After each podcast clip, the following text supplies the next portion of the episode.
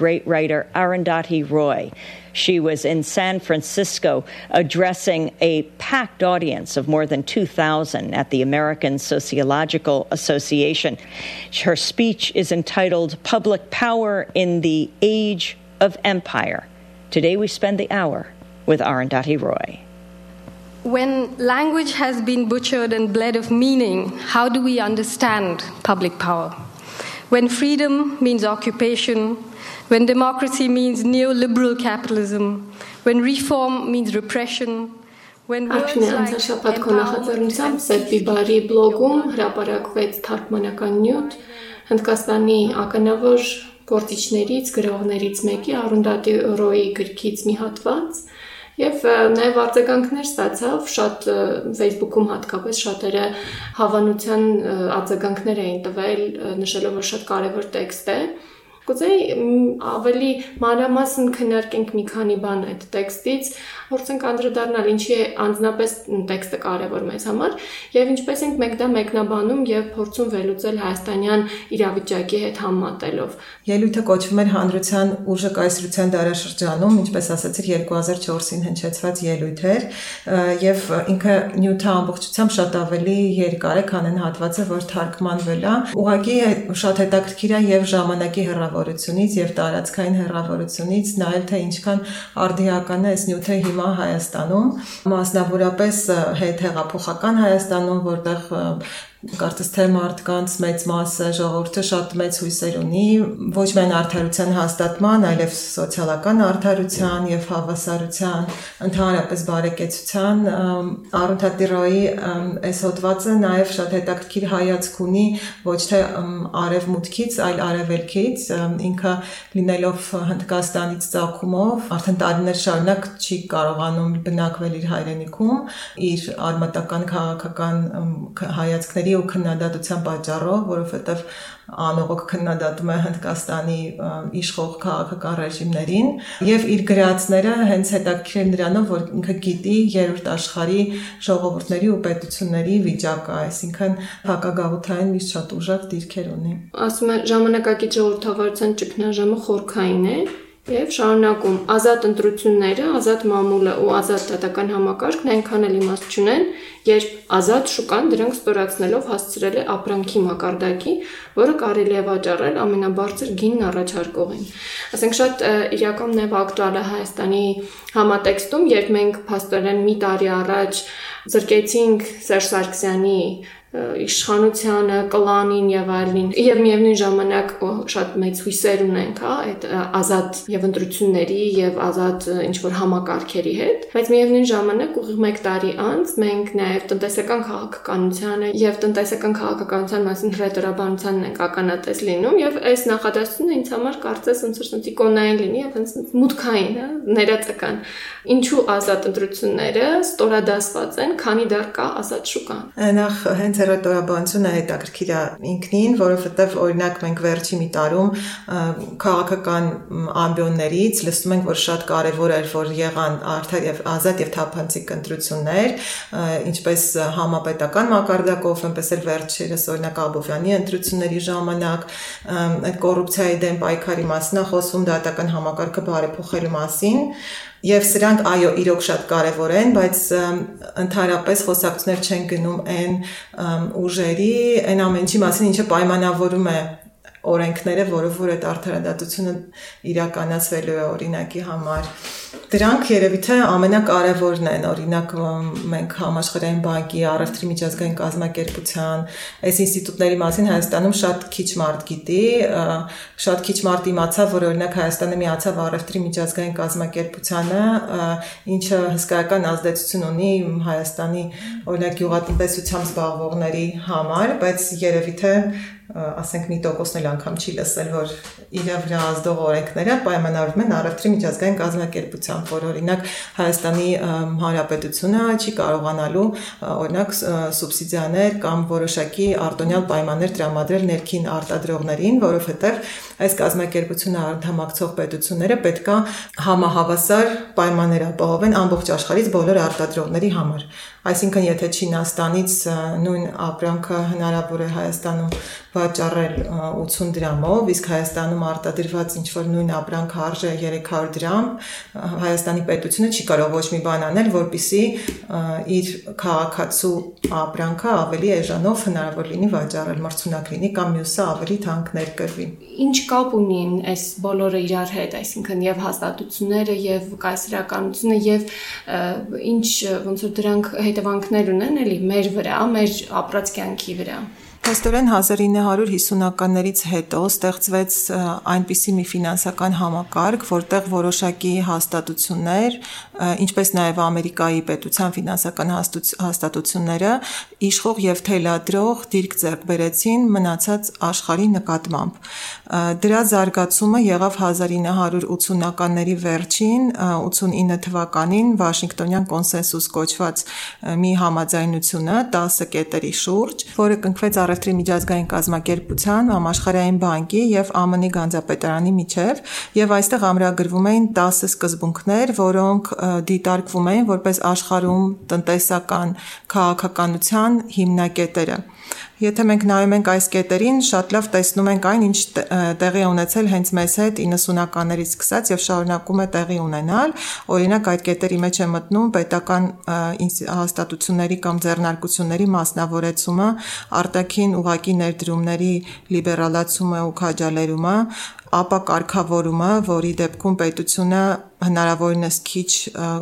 օրենքներով եւ այլ միջոցներով պետք է հնարավորություն ունենա ֆինանսական հաստատությունների ու ձեռնարկությունների գործունեությունը կարգավորելու, այսինքն կարգավորում էր շուկան, պետությունը հնարավորինս քիչ դեր պետք է ունենար, նաեւ առևտրի լիբերալացում եւ այլն, այն ամենը, ինչ մենք մեզ վրա տեսել ենք, ասենք գործարանների փակում, շոկային տնտեսական քաղաքականություն, բազմաթիվ հազարավոր, տասնյակ հազարավոր մարդկանց աշխատանքից զրկում, աղքատություն եւ այլն։ Վերադառնալով հենց առաջին նախադասությանը թարգմանված հոդվածի, որի համատեքստում դու ներկայացրեցիր համաշխարհային առևտրի կազմակերպության եւ Հայաստանի օրինակ գյուղացու այդ իրավիճակը, կապելով առաջին նախադասության հետ, կարելի է այսպես ասել գործ ունենք մենք գլոբալ գլոբալացված ազատ շուկայի հետ, որը փաստորեն չի կարող համադրել այդ երկու իրականությունները, ազատ ընտրություններ ազգ պետության, ազգային պետության, հա, սահմաններում եւ ազատության այդ հնարավորությունից բարեկեցություն եւ այլն եւ այլն գլոբալացված կապիտալի գերիշխանությամբ արդեն գեր, արդեն գլոբալացված աշխարհում բայց ելի պետքա դրանք բացել էլի բացատրել օրինակ ասում եմ ազատ ընտրությունները վերածվել են ապրանքի եւ դա կարող է գնել նա ով ամենաշատը փող ունի այսինքն ամենաբարձր գինն է առաջարկում ինձ համար այստեղ շատ ակնհայտ են դառնում օրինակ ընտրությունների ընդհանրապես ֆինանսավորման, ընտրությունների բուն հենց գործընթացները։ Թվում է թե ժողովրդավարական պիտի որ դրանք լինեն, բայց մենք ընթանում ենք մի ուղիով, երբ եւ օրենքներում է դա սահմանվում, որ ընտրությունների գրանցում են այնպիսի, ասենք, կուսակցություններ, որոնք ինչ որ նախնական վճարներ են վճարում, հա, զուտ մրցապայքարին մասնակցելու համար։ Դա արդեն նշանակում է իրենք պիտի ունենան փող։ Եվ խնդիրը կուսակցության անդամավճարներից գոյացած հնարավոր գումարների մասին չի, միլիոնավոր գումարների մասին է խոսքը որը կուտակելու համար իրենք սկսում են հravirել այսպես կոչված հովանավորների եւ մենք համաշխարհային փորձից էլ տեսնում ենք եւ մասնավորապես ամենի ամենավատ օրինակները Միացյալ Նահանգներից են գալիս այն իմաստով, որ մասնավոր ընկերությունները հնարավորություն ունեն ֆինանսավորելու կոնգրեսի եւ նույնիսկ նախագահի քարոզարշավներ եւ ով ամենաշատը փաստորեն այդ քարոզարշավին գումար է ներդնում որպես հովանավոր, ստացվում է, որ ի վերջո նա էլ կարողանում է թելադրել իրեն հաճո քաղաքականություն հետագայում իրեն նպաստավոր օրենսդրություն է ընդունում դա արդեն փաստ է դրա մասին նույնիսկ մի անգամ հրակի հետ ենք խոսել Լավ, իսկ ինչ կարելի ասել այդ նույն ազատ դատարանների մասին, ոնց կարելի է դատարանները առնել։ Հենց այսօր մենք այդ հարցի առջև ենք կանգնած։ Նաև դե կարևոր է այն թե ինչպես են որոշվում այն օրենքները, որով որ դատելու են դատարանները։ Օրինակի համար վերցնենք աշխատանքային ոլորտում, կարող է աշխատանքային օրենսդրությունը հնարավորություններ ստեղծել, որպիսի գործատուները կարողանան շահագործել աշխատավորներին, ինչպես որ նրանք կամենան։ Եթե օրենքում շահագործումը թույլատրված է, ապա բնականաբար դատարանը օրենքից ելնելով պետք է դատավճիռներ կայացնի եւ ուրեմն կարող է կայացնել դատավճիռ գործատուի օկտին, թույլ տալով վերջինից շարունակաբար շահագործել աշխատողին։ Ինչպես են գրվում օրենքները, մենք կարծեմ վերջի 30 տարիներին անընդհատ տեսնում ենք, որ դրանք փոփոխվում են համաշխարհային բանկի մասնագետների միջամտությամբ, նրանց ֆինանսավորմամբ եւ բնականաբար բանկերը սրանք այն միջազգային հաստատություններն են, որոնք որ կողմնակից են հնարավորինս գլոբալացող ազատ շուկային, որբիսի փողը անկաշկանդ ճանապարհորդի, իսկ մարտիկ ավելի քիչ սահմանափակված լինեն, ավելի սահմանափակված լինեն, չկարողանան խանգարել մեծ բիզնեսների փող աշխատելուն։ Դրա համար բնականաբար այս բանկերի ֆինանսավորած օրենսգրքերն էլ միշտ ավելի լավ պայմաններ են ստեղծում կորպորացիաների համար եւ ավելի վատ պայմաններ քաղաքացիների կամ աշխատավորների համար։ Հայաստանի օրինակով, որ մենք անցյալ դեկտեմբերին ունեցանք ազատ ընտրություններ, բայց կարծես մի ամիս էլ չկա, որ մենք էլի հա-, հանգեցինք նրան, որ ժողովուրդը պիտի օրինակ դատաների դռները փակի եւ կոռումպացված դատավորների հետ կապված խնդիր լուծի կամ մասնավորապես կոնկրետ մի անձի, հա, Ռոբերտ Քոչարյանի դատավարության հետ կապված իր ձայնը հա-, հասցնի։ Ամրսարի դեպքով մենք ունենք իրավիճակ, երբ այդ անարդար ծրագիրը ահավոր աղետաբեր հա, իր բոլոր հետևանքներով տեղի ունեցել, բայց միևնույն ժամանակ ճանաչել է Հայաստանի դատարանը մասնավոր ընկերության Լիդիանի հայցերը, որ իբր իր տարածք որպես մասնավոր, հա, սեփականություն ներխուժում կա եւ այդ ներխուժումը հենց այդպես էլ ընդունվել է դատարանի կողմից։ Այսինքն իսկապես Ռոյը ճիշտ է ասում, մասնավոր սեփականությունը, հա, եւ իրենց ազատ, այսպես ասած, հա, այդ շուկայում գործելու հնարավորությունը, մասնավոր ընկերության գործունեությունը վեր է դասված այլ իրավունքներից, որոնք իսկապես հիմնարար իրավունքներ են մարդու եւ բողոքի եւ չգիտեմ իր տարածքը պաշտպանելու իր առողջությունը պաշտպանելու իրավունքներն են եւ ստացվում է որ մենք ունեցել ենք ազատ ընտրություններ անցյալ դեկտեմբերին բայց մեր դատարանները պաշտպանում են ազատ շուկայի տրամաբանության մասնավոր ընկերությանը այստեղ մեծ շատ հետաքրքիր հատված էլ կա ասում է որ հարկ է հասկանալ որ ժամանակակից ժողովրդավարությունը գրեթե կրոնական հավատալիքի աստիճանի ամուր կցված է ազգ պետությանը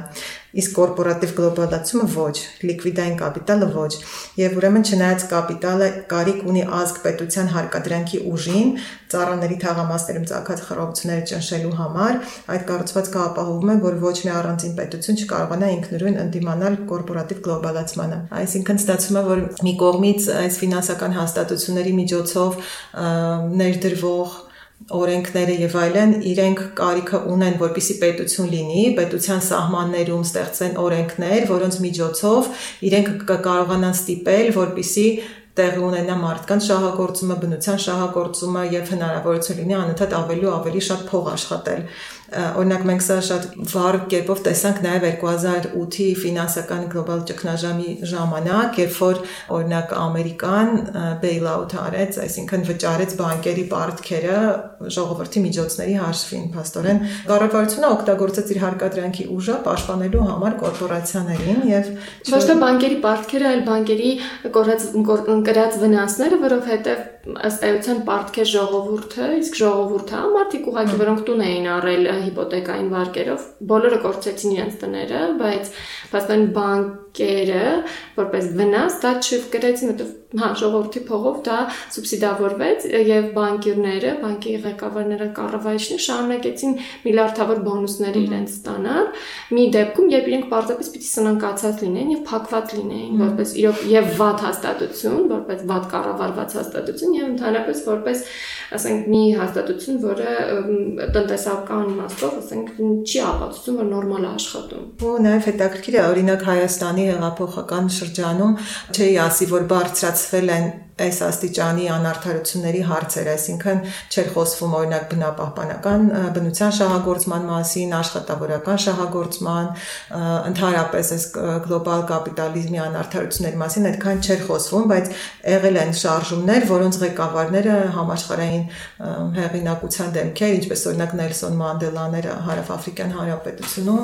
այս հարցերը բարձրացնում էին եւ դրանք գրված էին օրինակ սահմանադրությունների նախատիպերի մեջ, հանքերի դեմ դիրքորոշումները եւ այլն, բայց իշխանության գալուց հետո նույն ղեկավարները այլևս չեն կարողանում պահել այն դիրքերը, որոնք իրենք ունեին առաջ։ Ռոյը շատ լավ է կարողանում դա բացատրել, այո, եւ խոսում է եւ Հարավաֆրիկյան Հանրապետության օրինակով եւ Բրազիլիայի օրինակով, երբ նեոլիբերալ ահռելի տենց հետևանքներ ունեցող քաղաքականություն իրականացնելուց հետո այդ երկրներում կամ մասնավորապես օրինակ Բրազիլիայում, Լատինական Ամերիկայում մեծ ուրեմն բողոքի ալիքը հիմնականում աշխատավորական շարժումն է ձևավորում եւ բարձրացնում եւ շարժման գլուխ ուրեմն հենց աշխատավորական կուսակցության ղեկավարը Լուլան դառնում է նախագահ, խոսքը արդեն 90-ականների մասին է։ Ռոյը նշում է իր այս տեքստում, որ նրանք Ուրեմն ստիպված են լինում տեղի տալ գլոբալ կապիտալի ստեղծած սպառնալիքներին եւ այդ սպառնալիքը քո ասած կապիտալի արտահոսքներ, այսինքն Տես այստեղ ինքը ինչ է ասում։ 2002-ի հունվարին Բրազիլիայի նախագահ Լուլան համաշխարհային սոցիալի սոցիալական ֆորումի հերոսներ։ Հիմա նա զբաղված է արժույթի միջազգային հիմնադրամի ուղեցույցներն իրականացնելով, կենսաթոշակներն իջեցնելով եւ աշխատավորների կուսակցությունը արմատականներից մաքրելով։ Լուլան Հարավաֆրիկյան Հանրապետության նախկին նախագահ Նելսոն Մանդելայի արժանի հետնորդն է։ Վերջինս գործադրեց մասնավորեցման եւ կառուցվածքային կարգավորումների, կառուցվածքային փոփոխությունների զանգվածային մի ծրագիր, որի արդյունքում հազարավոր մարդիկ զրկվեցին աշխատանքից ու տնից, մնացին առանց ջրի եւ էլեկտրականության։ Ինչու է նման բան կատարում կատարվում ճիշտ չի լինի եւ ոչ էլ օգտակար կլինի մանդելային կամ լուլային ստորացնել թույլ կամ դավաճան անվանելով կարևոր է հասկանալ այն հրեշի էությունը որի դեմ ելել էին նրանք այն պահին երբ նրանք հատեցին ընդդիմությունից իշխանություն տանող գիծը նրանք պատանդ դարձան սպառնալիքների մի ամբողջ սպեկտրի սրանցից ամենասարսափելին կապիտալի արտահոսքի սպառնալիքն է որը կարող է մի գիշերում կործանել ցանկացած կառավարության երևակայ էլ թե որևէ առաջնորդի անձնական խարիզման ու պայքարի պատմություն պատմությունը փոս կգցեն կորպորատիվ կարտելում, նշանակում է պատկերացում չունենալ այն մասին, թե ինչպես է գործում կապիտալիզմը կամ ինչպես է գործում ուժը այդ առումով շատ հետաքրքիր նաև համատությունը, որովհետև Հայաստանում կենսաթոշակային ճակերտավոր բարեփոխումների արդյունքում մասնավորեցվեց կենսաթոշակային համակարգը, այսինքն այն համակարգը, որը հիմնված էր համերաշխության սկզբունքի վրա, այսինքն երիտասարդ աշխատուժը վճարում է արդեն աշխատած իրենց ծնողների սերունդը համարվող, հա, ավակ սերունդի կենսաթոշակների համար, սա հիմնականում ոնց որ խարխլվեց եւ դրվեց ավելի շատ այսպիսի սկզբունք։ Դու աշխատում ես, կուտակում ես քո կենսաթոշակի համար, ապագայի համար, բայց ինչ դու կուտակում ես, դա ոչ թե մնում է օրինակ պետությունում եւ բաշխվում է համերաշխության սկզբունքով, ոչ էլ կուտակվում է կրկին, հա, պետության ուժերով, այլ կուտակվում է մասնավորի ձեռքերում։ Եվ կենսաթոշակային այս խնդրի դեմ նույն քաղաքացիական պայմանագիրի կուսակցությունը ժամանակին արտահայտվել, այսինքն հիշում ենք կենսաթոշակային այդ ցույցերը ընդդեմ կուտակայինի այդպես էր անվանվում եւ որոշակի հաջողություններ եղան զուտ հետաձգելու առումով, հա, այսպես կոչված բարեփոխում այդ փոփոխությունը, բայց փաստացի մենք այսօր կանգնած ենք իրողության առջև, որ Հայաստանի կենսաթոշակային համակարգը մեր փողերը փաստացի, որոնք մենք վճարում ենք կամ կուտակում ենք ապագայի համար, հանձնված են մասնավոր ընկերությունների, որոնք դրանք արդեն որպես ակտիվների կառավարիչներ դրանք վերաներդնում են համաշխարհային տնտեսության մեջ կամ ավելի վատ պետությունը կարողանում է ավելի էժան փող վերցնել, այսինքն մի գրպանից վերցնում է, մյուս գրպանից էժան պարտք է վերցնում, մի հատ էլ տոկոս, հա, անհասկանալի ձևով։ Մի խոսքով, փաստը այն է, որ նույն Նիկոլ Փաշինյանը հենց կենսաթոշակային այս համակարգի հետ կապված մեզ ասեց այսպիսի մի բան մի քանի ամիս առաջ այսինքն հենց հեղափոխությունից հետո իր ղեկավարած քաղաքական կուսակցությունը չի կարող նույն դիրքորոշումն արտահայտել կենսաթոշակային բարեփոխումների հետ կապված, այսինքն չի կարող չեղարկել կենսաթոշակային այս համակարգի մասնավորեցման հարցը եւ կൂട്ടակային համակարգի անցումը մասնավոր ընկերությունների, երկու մասնավոր ընկերությունների ուշադիր լսեն, որովհետև նրանք մեզ միջազգային արբիտրաժով դատի կտան։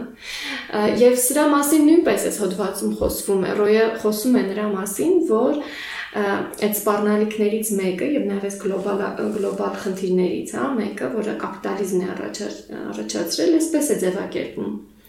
Համաշխարհային ասպարեզում ինքնիշխան պետությունների իրավասություններից վեր առևտրային ու ֆինանսական միջազգային գործիքների միջոցով վերահսկվում է բազմակողմ համաձայնագրերի եւ օրենքների մի բարդ համակարգ։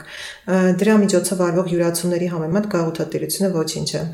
Փաստացի նույն բանն է, ինչ որ այս այս այս պահին ինչի արժեվ մենք ենք կանգնած, այսինքն սկզբունքորեն նույնիսկ մեր մոտ այսպես կոչված այսպես կոչված իշխող ուժը համաձայն է, որ արդար չէ մասնավորեցնել մեր պետության, հա, մասնավորապես կենսաթոշակառուների գումարները, հիմնադրամը, բայց ինքը մեզ ասում է մեզ երկու մասնավոր ընկերություն միջազգային արբիտրաժի միջոցով դատի կտա եւ մենք չենք կարող դրա տակից դուրս գալ։ Եվ փաստացի գործ ունենք, էլի օֆշորներում գրանցված ակտիվների կառավարիչների հետ, որոնք վերցնում են մեր կենսաթոշակային փողերը եւ տնօրինում են ինչպես ուզում են։ Իսկ մենք չենք կարող հրաժարվել դրանից, որտեղ արդեն ունենք ստորագրած պայմանագիր կամ համաձայնագիր։ Ամենավատը երևի այն է, որ մարդիկ ընդհանրապես գաղափար չունեն մեծ մասամբ, թե ինչ իրավիճակի մեջ ենք մենք ապրում, այսինքն մեզ թվում է, որ եթե մենք ընտրել ենք լավ խորհրդարան կամ ինչ որ ներկայացուցիչներ, ապա մենք կարող ենք նրանց միջոցով մեր արդարության մասի պատկերացումները կամ ընդհանրապես գաղափարները իրականացնել, բայց իրավիճակը լիովին այլ է եւ նրանք ովքեր ընտրվում են ստիպված են լինում լրիվ ուրիշ ազդեցությունների ներքո գործել այդ մի հատ անեկդոտի նման բան կար որ երկու ձուկ օվկիանոսում լողում են հետո մի երրորդ ձկան են հարցնում ասում են բա չես ասի օվկիանոսը որտեղ է ասում են դե օվկիանոսը մեզ լողում արդեն հիմա նույնը ասում են նեոլիբերալիզմի մասին որ մենք բոլորս ապրում ենք նոր ազատականության շրջանում բայց չգիտենք թե դա ինչ է ընդհանրապես Հայաստանում շատ քիչ մարդ գիտի միջազգային պայմանագիր երկկողմ պայմանագրերի մասին, շատ քիչ մարդ գիտի ֆինանսական ինստիտուտների ազդեցությունների մասին ու դա թույլ չի տալիս նաև որ պայքարները ճիշտ ուղղություններով ընթանան, որ ու դրա համար շատ կարևոր է որ խոսվի այդ ամեն ինչի մասին, որ նաև հերոստատեսություններով, չգիտեմ, տարբեր մեդիայի միջոցներով, ընդհանուր համայնքային քննարկումներում, որpիսի մենք պատկերացնենք թե իրոք ում հետ մենք գործ ունենք, մենք ոչ թե գործ ունենք ինչ որ մի խոշոր բիզնեսմեն օլիգարխի հետ, ոչ թե ինչ որ, չգիտեմ, քրեականացված ոստիկանության հետ միայն կամ իշխանության գլխում գտնվող խմբավորումների հետ մենք ունենք գործ ունենք շատ ավելի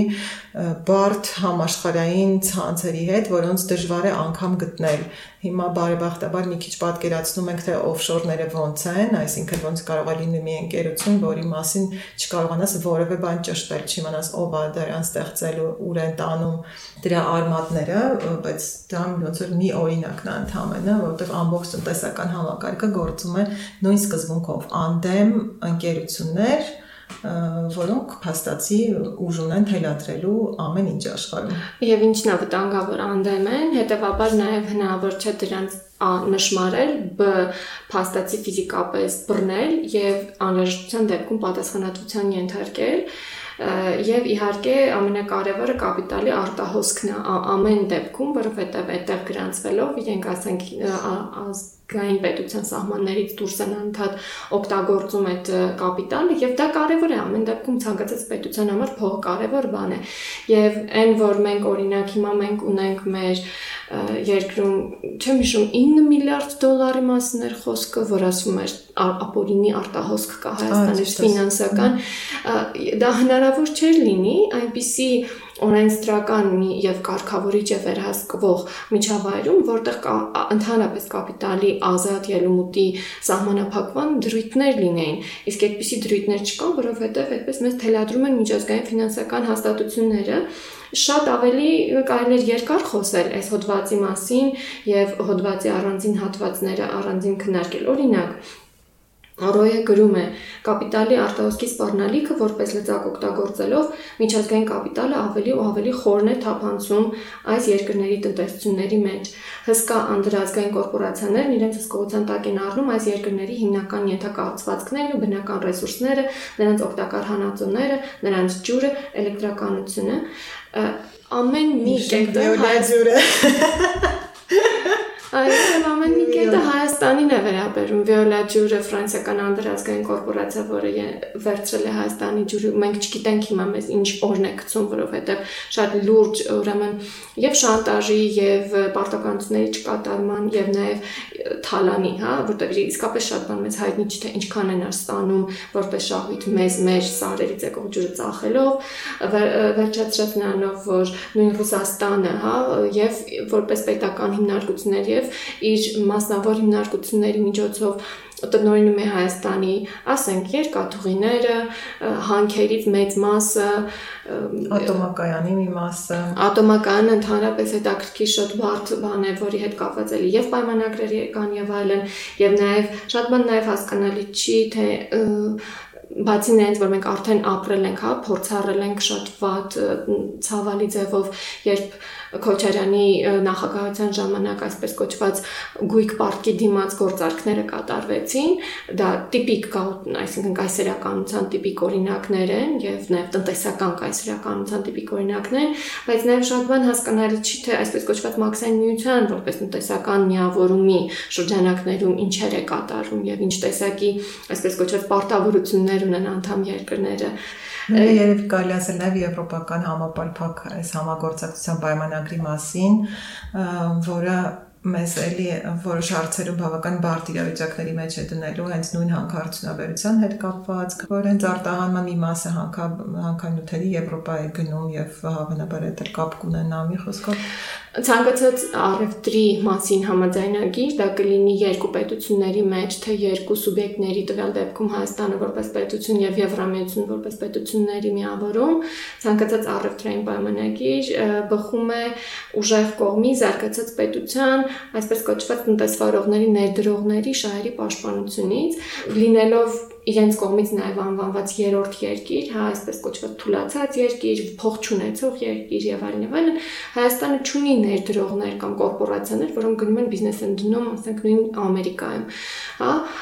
եւ հետեւաբար ինքը չի կարող այդ պայմանագրերի նկատմամբ ասել, հա, ես պաշտպանում եմ Հայաստանի ներդրողին Ամերիկայում, որ հանկարծ այնտեղ իրենց բան չասեն։ Միևնույն ժամանակ Հայաստանում որևէ տեղակորցական ընկերություն Ամերիկայում չի կարող արտադրել օրինակ հակաբիոտիկներ, որովհետեւ դա շատ թանկ է այնտեղ արտադրելը, որտեղ հակաբիոտիկները շատ մեծ բնության վրա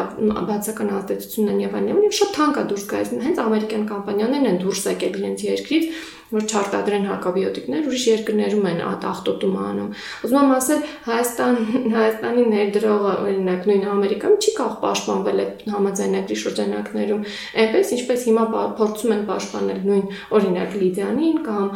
ֆրանսիական կենսաթոշակային այդ մեր հիմնադրամը վերցրած ուրեմն ընկերությանը։ Մի խոսքով այդ անհավասարությունների մասն է նաև ռոյը խոսում էստեղ եւ ամփոփում է եւ ես էլ կուզեի որ մենք դրանով ամփոփենք շատ կարևոր մի ոնց որ կոչով, հա, որ շատ կարևոր է, որ արմատական փոփոխությունը չի կարող բանակցվել եւ չի բանակցվելու կառավարությունների կողմից, այն միայն ու միայն կարող է հաստատվել ժողովրդի կողմից, հանրության կողմից եւ հանրություն, որը կարողանում է ձեր ձերքի տալ հատելով պետական սահմանները, այստեղ ինքը շատ կարևոր մի բան է ասում, որ անհրաժեշտ է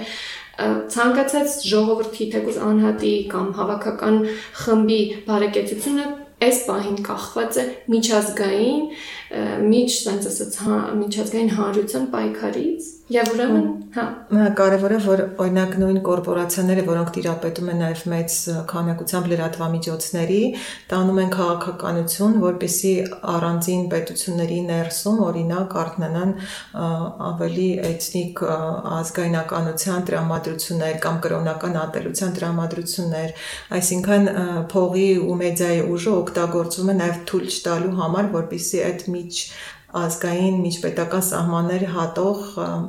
սոլիդարությունը տեղի ունենա ժողովուրդների մեջ,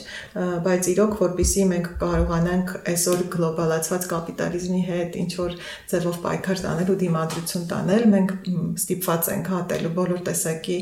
գծված արհեստական գծված սահմանները ուրիշ հնարավորություն ընդհանրապես չկա այն ժողովուրդներ այն մարդիկ ովքեր որ դուժում են դրանից ու ովքեր որ կախվածություն չունեն ում վրա ովքեր ոչինչ չունեն կարելի ասել Հա, իրենց ձեռքում է այսօրվա փոփոխությունը, ինչը շատ բարդ է, բայց հավանաբար ոչ տարբերակ չկա։ տասնամյակներ շարունակ միջազգային ասպարեզում նաև ձևավորված է խմբավորում, հա, պետությունների գլոբալ հարավ անվանումով, դրա մասին առանձին կարելի է խոսել, եւ այդ ամենակարևոր բանը եւ էլի անեկդոտին եմ ուզում անդրադառնալ, ու դրանով երևի ամփոփենք, որ ցուկը ասում է, մենք դրա մեջ ենք ապրում, բայց ինչ ասում Ռոյը, ասում է, երբ խոսում ենք հանրության մասին, կայսրության դարաշրջանում, կամ կայսերականության, հա, հույս ունեմ, որ հանդգնություն չի լինի ընդունել, որ լուրջ քննարկման արժանի միակ բանը դա այլախոհ հանրությունն է։ Հանրություն, որը չի համաձայնվում ինքնին կայսերականության գաղափարի հետ։ Հանրություն, որը իրեն դիրքավորում է իշխող ուժի, միջազգային պետական տարածաշրջանային կամ մարզային կառավարությունների ու հաստատությունների դեմ, եւ դրանք նրանք են, որոնք աջակցում են կայսրությանն ու ծառայում դրան։ Այսինքն, այո, այդ ձուկը պետք է իրան նաև դրսևորի ինչ որ ձևով այլախոհ ձևով, որպեսզի կարողանա տեսնել օվկիանոսը։ Շատ շնորհակալ եմ ես անձամբ քեզ թարգմանության ընդհանրապես Արունդատի ռոյին հանրային քննարկման մեջ դնելու համար Ասենք որ կշարունակենք նաև թարգմանությունները, նույն հոդվածի ուրիշ հատվածներ, գուցե նաև ուրիշ հոդվածներից ու խրախուսենք նաև մեր լսողներին, որ ամբողջությամբ ընթերցեն նրանք, ովքեր անգլերեն կարդալու հնարավորություններ ունեն։ Այո, medium.com հարթակում կա Save Bibar մեր բլոգը, մասնավորապես այս հոդվածի վերնագիրն է Հանրության ուժը կայսրության դարաշրջանում եւ նաեւ մեր ոդքասթները հասանելի են հեռախոսային ծրագրեր ունեցող ցանկացած ուրեմն հարթակում Save Bibar որոնելով։ Շնորհակալ ենք բոլոր ունկնդիրներին, կշարունակենք ելի զրուցել։ The urge for hegemony and preponderance by some will be matched with greater intensity by the longing for dignity and justice by others. Exactly what form that battle takes, whether it's beautiful or bloodthirsty, depends on us. Arundhati Roy addressing the American Sociological Association in San Francisco just a few days ago. And that does it for today's broadcast.